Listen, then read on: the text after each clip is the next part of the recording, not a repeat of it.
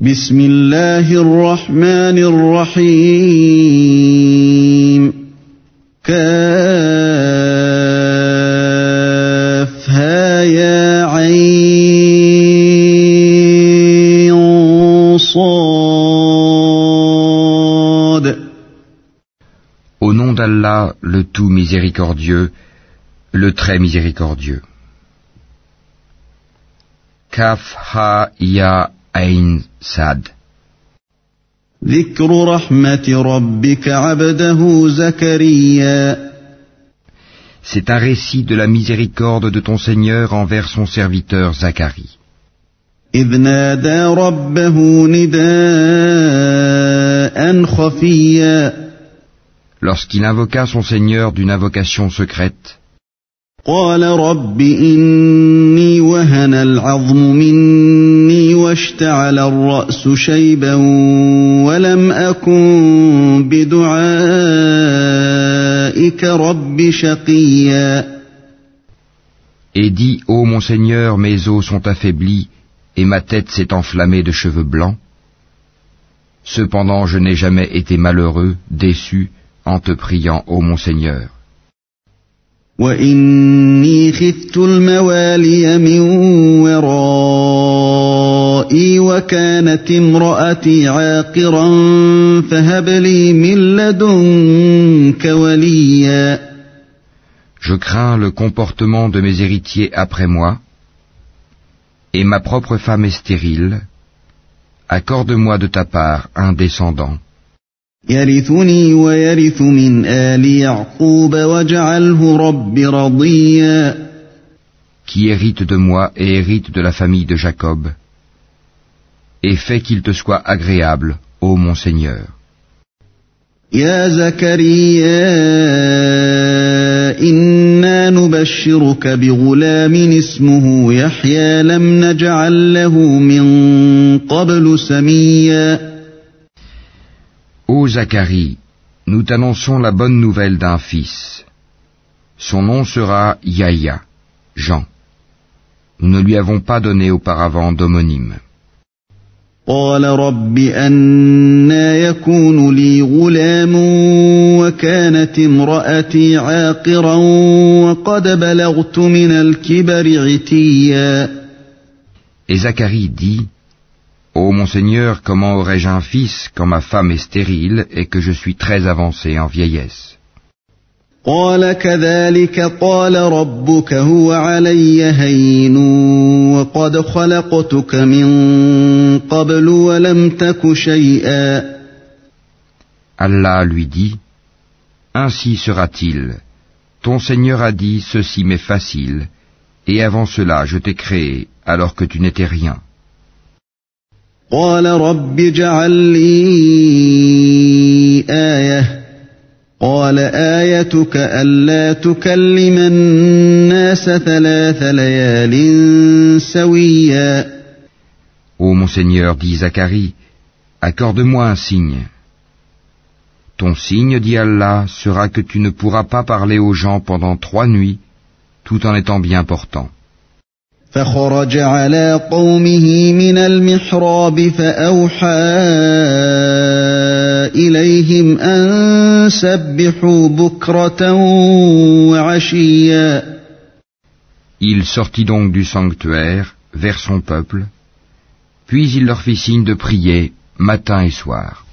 يا يحيى خذ الكتاب بقوة وآتيناه الحكم صبيا Ô Yahya, tiens fermement au livre la Torah. Nous lui donnâmes la sagesse alors qu'il était enfant.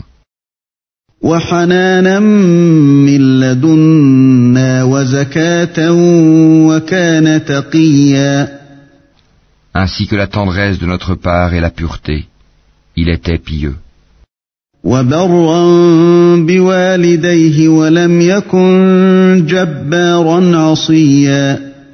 et dévoué envers ses pères et mères, et ne fut ni violent ni désobéissant.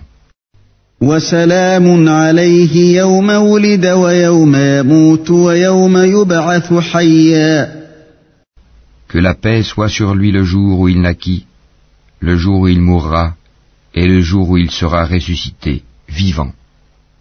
واذكر في الكتاب مريم إذ انتبذت من أهلها مكانا شرقيا Mentionne dans le livre le Coran Marie, quand elle se retira de sa famille en un lieu vers l'Orient. فاتخذت من دونهم حجابا فأرسلنا إليها روحنا فتمثل لها بشرا سويا Elle mit entre elle et eux un voile. Nous lui envoyâmes notre esprit, Gabriel, qui se présenta à elle sous la forme d'un homme parfait. قالت إني أعوذ بالرحمن منك إن كنت تقيا Elle dit, Je me réfugie contre toi auprès du tout miséricordieux. Si tu es pieux, ne m'approche point. قال إنما أنا رسول ربك لأهب لك غلاما زكيا Il dit, Je suis en fait un messager de ton Seigneur pour te faire don d'un fils pur. قالت أنا يكون لي غلام ولم يمسسني بشر ولم أك بغيا Elle dit, Comment aurais-je un fils quand aucun homme ne m'a touché et que je ne suis pas prostituée قال كذلك قال ربك هو علي هين ولنجعله آية للناس ورحمة منا وكان أمرا مقضيا Il dit, Ainsi sera-t-il. Cela m'est facile, a dit ton Seigneur. Et nous ferons de lui un signe pour les gens et une miséricorde de notre part. C'est une affaire déjà décidée. فحملته فانتبذت به مكانا قصيا Elle devint donc enceinte de l'enfant, et elle se retira avec lui en un lieu éloigné. فأجاءها المخاض إلى جذع النخلة قالت يا ليتني مت قبل هذا وكنت نسيا منسيا Puis les douleurs de l'enfantement la menèrent au tronc du palmier, et elle dit, Malheur à moi, que je fusse morte avant cet instant, et que je fusse totalement oubliée. فناداها من تحتها ألا تحزني قد جعل ربك تحتك سريا Alors il l'appela d'au-dessous d'elle, lui disant, Ne t'afflige pas, ton Seigneur a placé à tes pieds une source.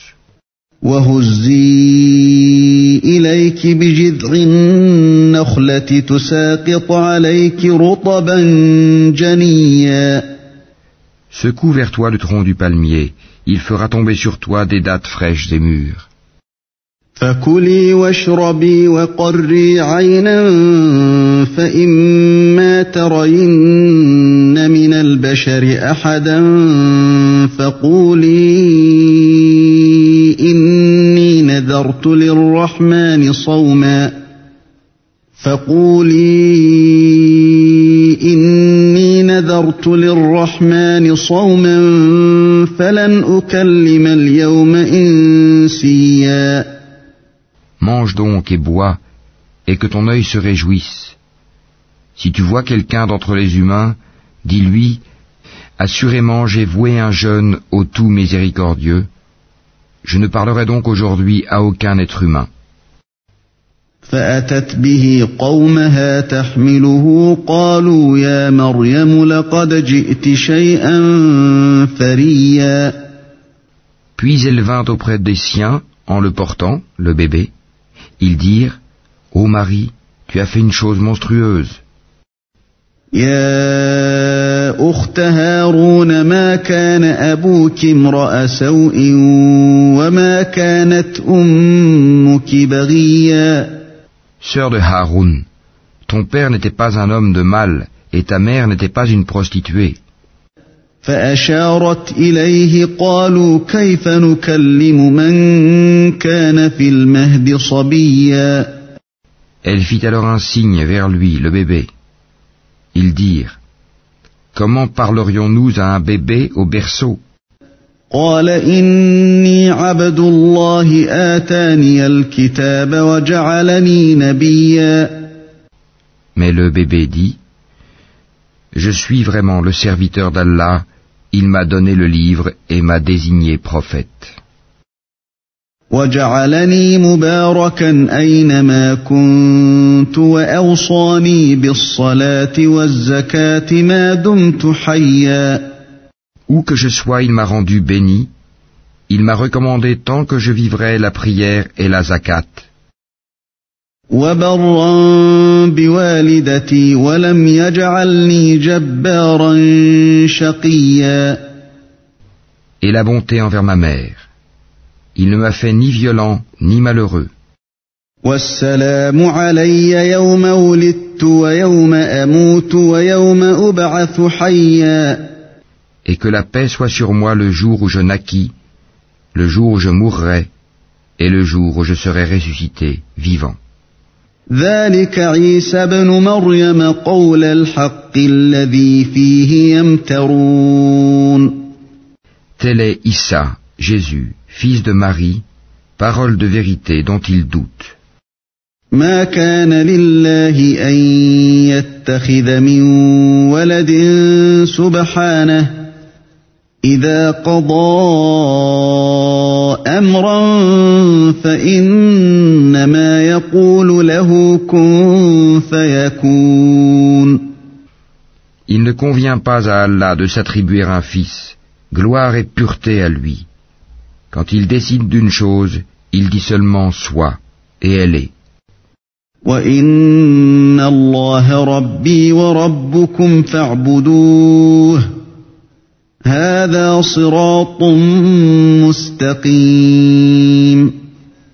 Certes, Allah est mon Seigneur tout comme votre Seigneur. Adorez-le donc, voilà un droit chemin. فاختلف الأحزاب من بينهم فويل للذين كفروا من مشهد يوم عظيم Par la suite, les sectes divergèrent entre elles. Alors, malheur aux mécréants lors de la vue d'un jour terrible.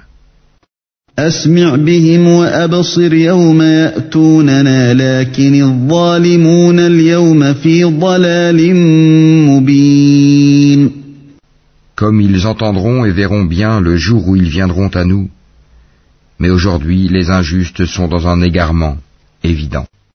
وأنذرهم يوم الحسرة إذ قضي الأمر وهم في غفلة وهم لا يؤمنون et avertis-les du jour du regret, quand tout sera réglé, alors qu'ils sont dans ce monde inattentif et qu'ils ne croient pas. C'est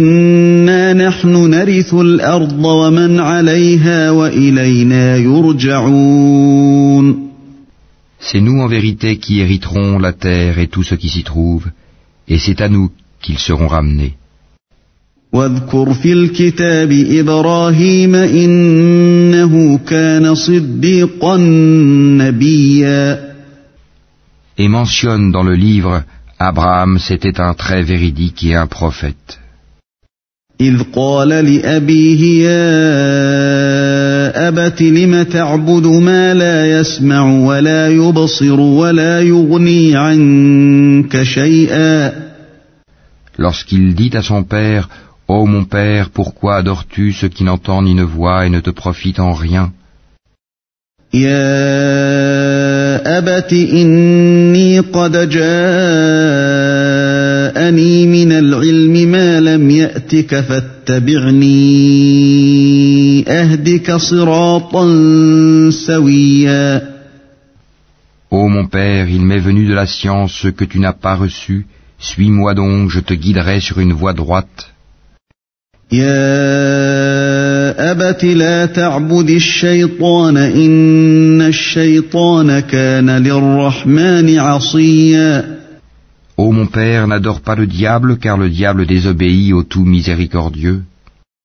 يا أبت إني أخاف أن يمسك عذاب من الرحمن فتكون للشيطان وليا Ô mon père, je crains qu'un châtiment venant du tout miséricordieux ne te touche et que tu ne deviennes un allié du diable.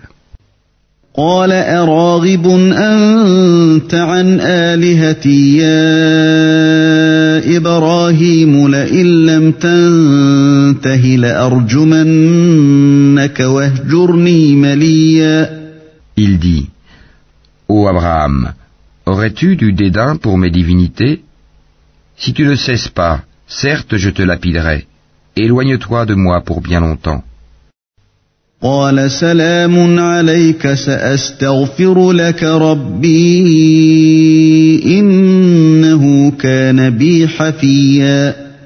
Paix sur toi, dit Abraham.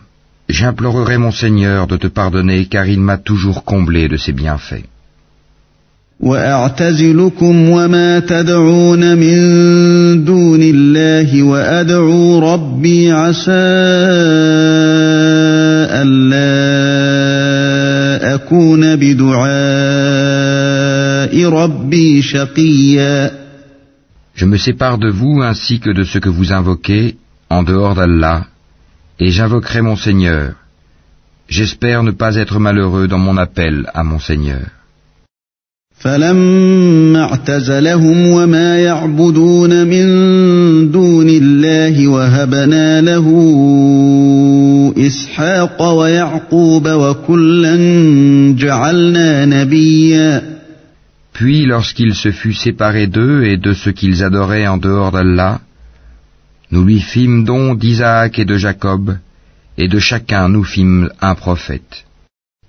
ووهبنا لهم من رحمتنا وجعلنا لهم لسان صدق عليا Et nous leur donnâmes de par notre miséricorde, et nous leur accordâmes un langage sublime de vérité.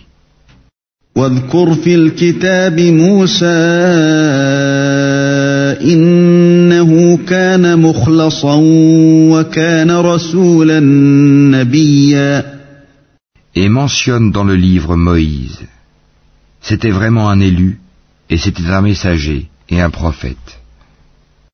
وناديناه من جانب الطور الأيمن وقربناه نجيا Du côté droit du mont Sinaï, nous l'appelâmes et nous le fîmes approcher tel un confident. ووهبنا له من رحمتنا أخاه هارون نبيا Et par notre miséricorde, nous lui donnâmes Aaron son frère comme prophète. واذكر في الكتاب إسماعيل إنه كان صادق الوعد وكان رسولا نبيا Et mentionne Ismaël dans le livre. Il était fidèle à ses promesses, et c'était un messager et un prophète. وكان يأمر أهله بالصلاة والزكاة وكان عند ربه مرضيا Et il commandait à sa famille la prière et la zakat.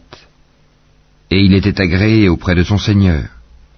واذكر في الكتاب إدريس إنه كان صديقا نبيا Et mentionne Idris dans le livre. C'était un véridique et un prophète. ورفعناه مكانا عليا Et nous l'élevâmes à un haut rang. أولئك الذين أنعم الله عليهم من النبيين من ذرية آدم وممن حملنا مع نوح وممن حملنا مع نوح ومن ذرية إبراهيم وإسرائيل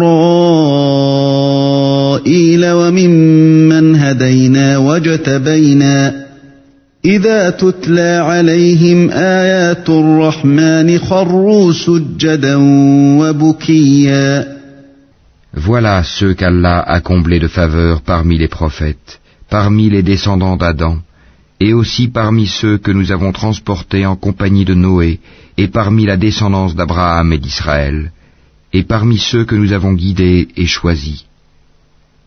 Quand les versets du tout miséricordieux leur étaient récités, ils tombaient prosternés en pleurant. فخلف من بعدهم خلف أضاعوا الصلاة واتبعوا الشهوات فسوف يلقون غيا Puis leur succédèrent des générations qui délaissèrent la prière et suivirent leur passion. Ils se trouveront en perdition. إلا من تاب وآمن وعمل صالحا فأولئك يدخلون الجنة ولا يظلمون شيئا Sauf celui qui se repent, croit et fait le bien. Ceux-là entreront dans le paradis et ne seront point lésés. جنات عدن التي وعد الرحمن عباده بالغيب إنه كان وعده مأتيا Au jardin du séjour éternel que le tout miséricordieux a promis à ses serviteurs qui ont cru au mystère. Car sa promesse arrivera sans nul doute.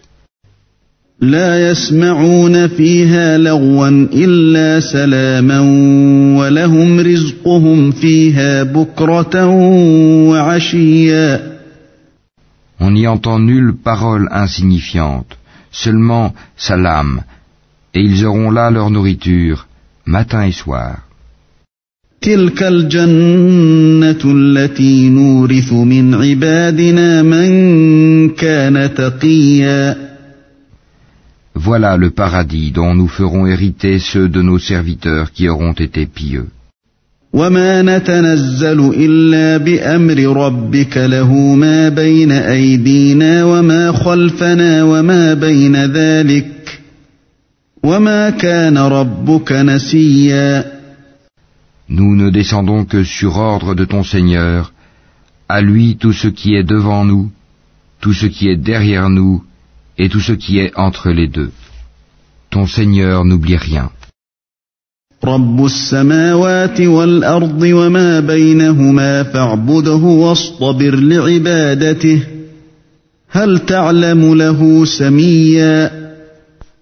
Il est le Seigneur des cieux et de la terre et de tout ce qui est entre eux.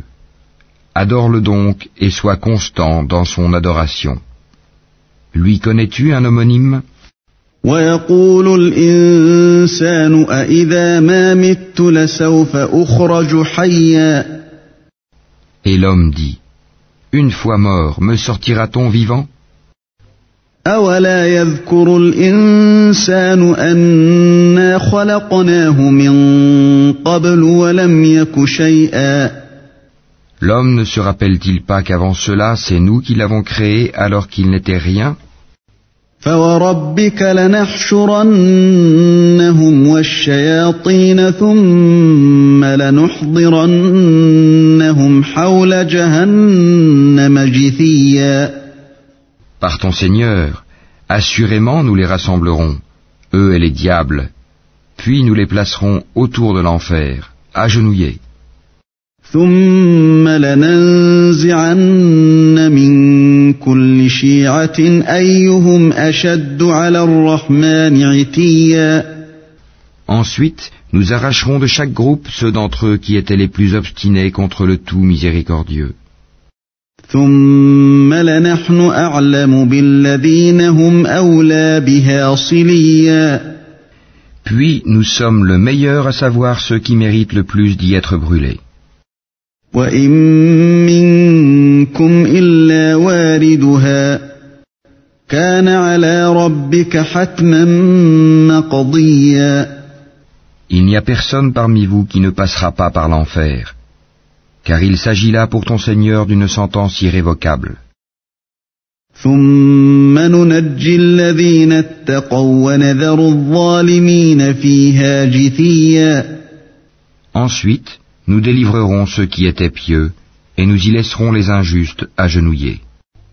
واذا تتلى عليهم اياتنا بينات قال الذين كفروا للذين امنوا قال الذين كفروا للذين امنوا اي الفريقين خير مقاما واحسن نديا Et lorsque nos versets évidents leur seront récités, les mécréants disent à ceux qui croient, Lequel des deux groupes a la situation la plus confortable et la meilleure compagnie?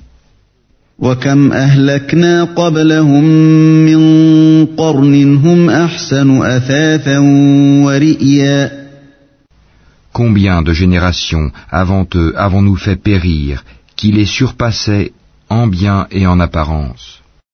قل من كان في الضلالة فليمدد له الرحمن مدا حتى إذا رأوا ما يوعدون إما العذاب وإما الساعة فسيعلمون من هو شر مكانا وأضعف جندا. Dis, celui qui est dans l'égarement, que le tout miséricordieux prolonge sa vie pour un certain temps, jusqu'à ce qu'il voit soit le châtiment, soit l'heure dont ils sont menacés. Alors ils sauront qui a la pire situation et la troupe la plus faible.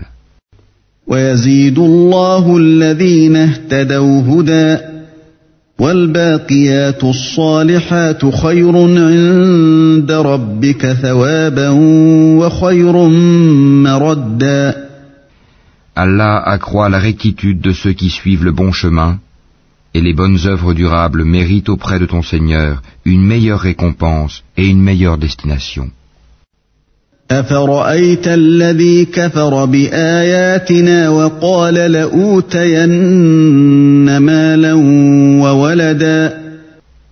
As-tu vu ceux qui ne croient pas à nos versets et dit On me donnera certes des biens et des enfants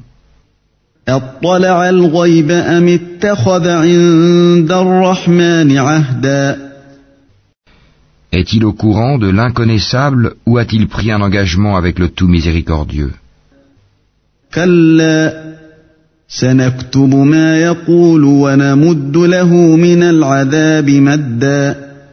Bien au contraire, nous enregistrons ce qu'il dit et accroîtrons son châtiment.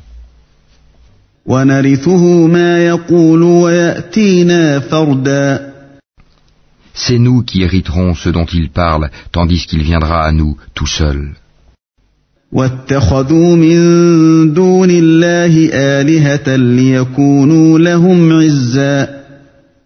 Ils ont adopté des divinités en dehors d'Allah pour qu'ils leur soient des protecteurs contre le châtiment.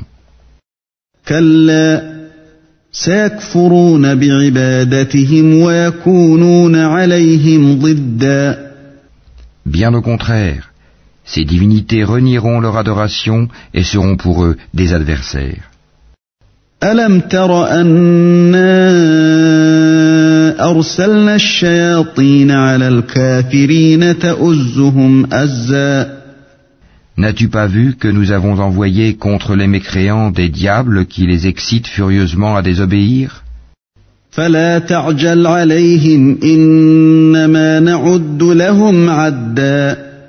Ne te hâte donc pas contre eux. Nous tenons un compte précis de tous leurs actes.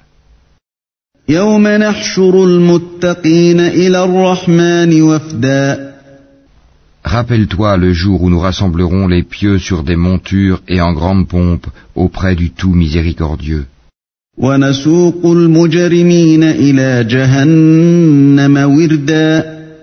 Et pousserons les criminels à l'enfer comme un troupeau à l'abreuvoir.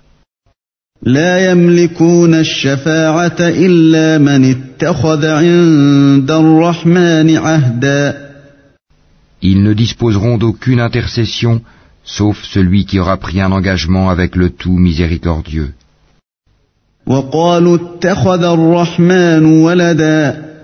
Et ils ont dit, le tout miséricordieux s'est attribué un enfant.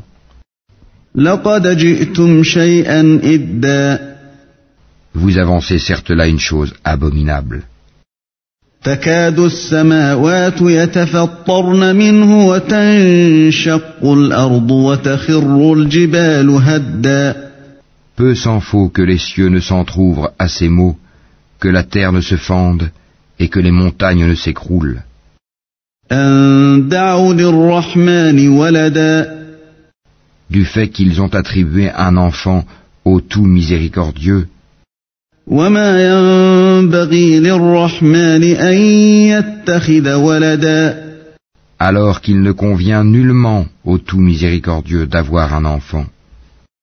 إن كل من في السماوات والأرض إلا آتي الرحمن عبدا Tous ceux qui sont dans les cieux et sur la terre se rendront auprès du tout miséricordieux sans exception en serviteurs.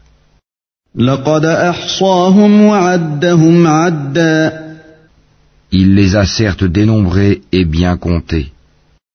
وكلهم آتيه يوم القيامة فردا Et au jour de la résurrection, chacun d'eux se rendra seul auprès de lui. إن الذين آمنوا وعملوا الصالحات سيجعل لهم الرحمن ودا À ceux qui croient et font de bonnes œuvres, le tout miséricordieux accordera son amour.